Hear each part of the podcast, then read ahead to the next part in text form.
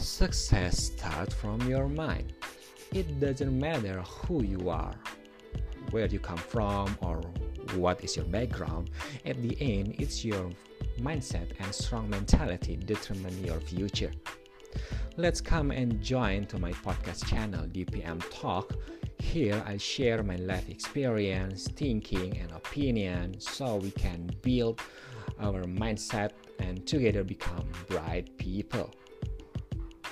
Check it out my daily podcast by searching and subscribe in your favorite platform like Spotify, Apple Music, and so on.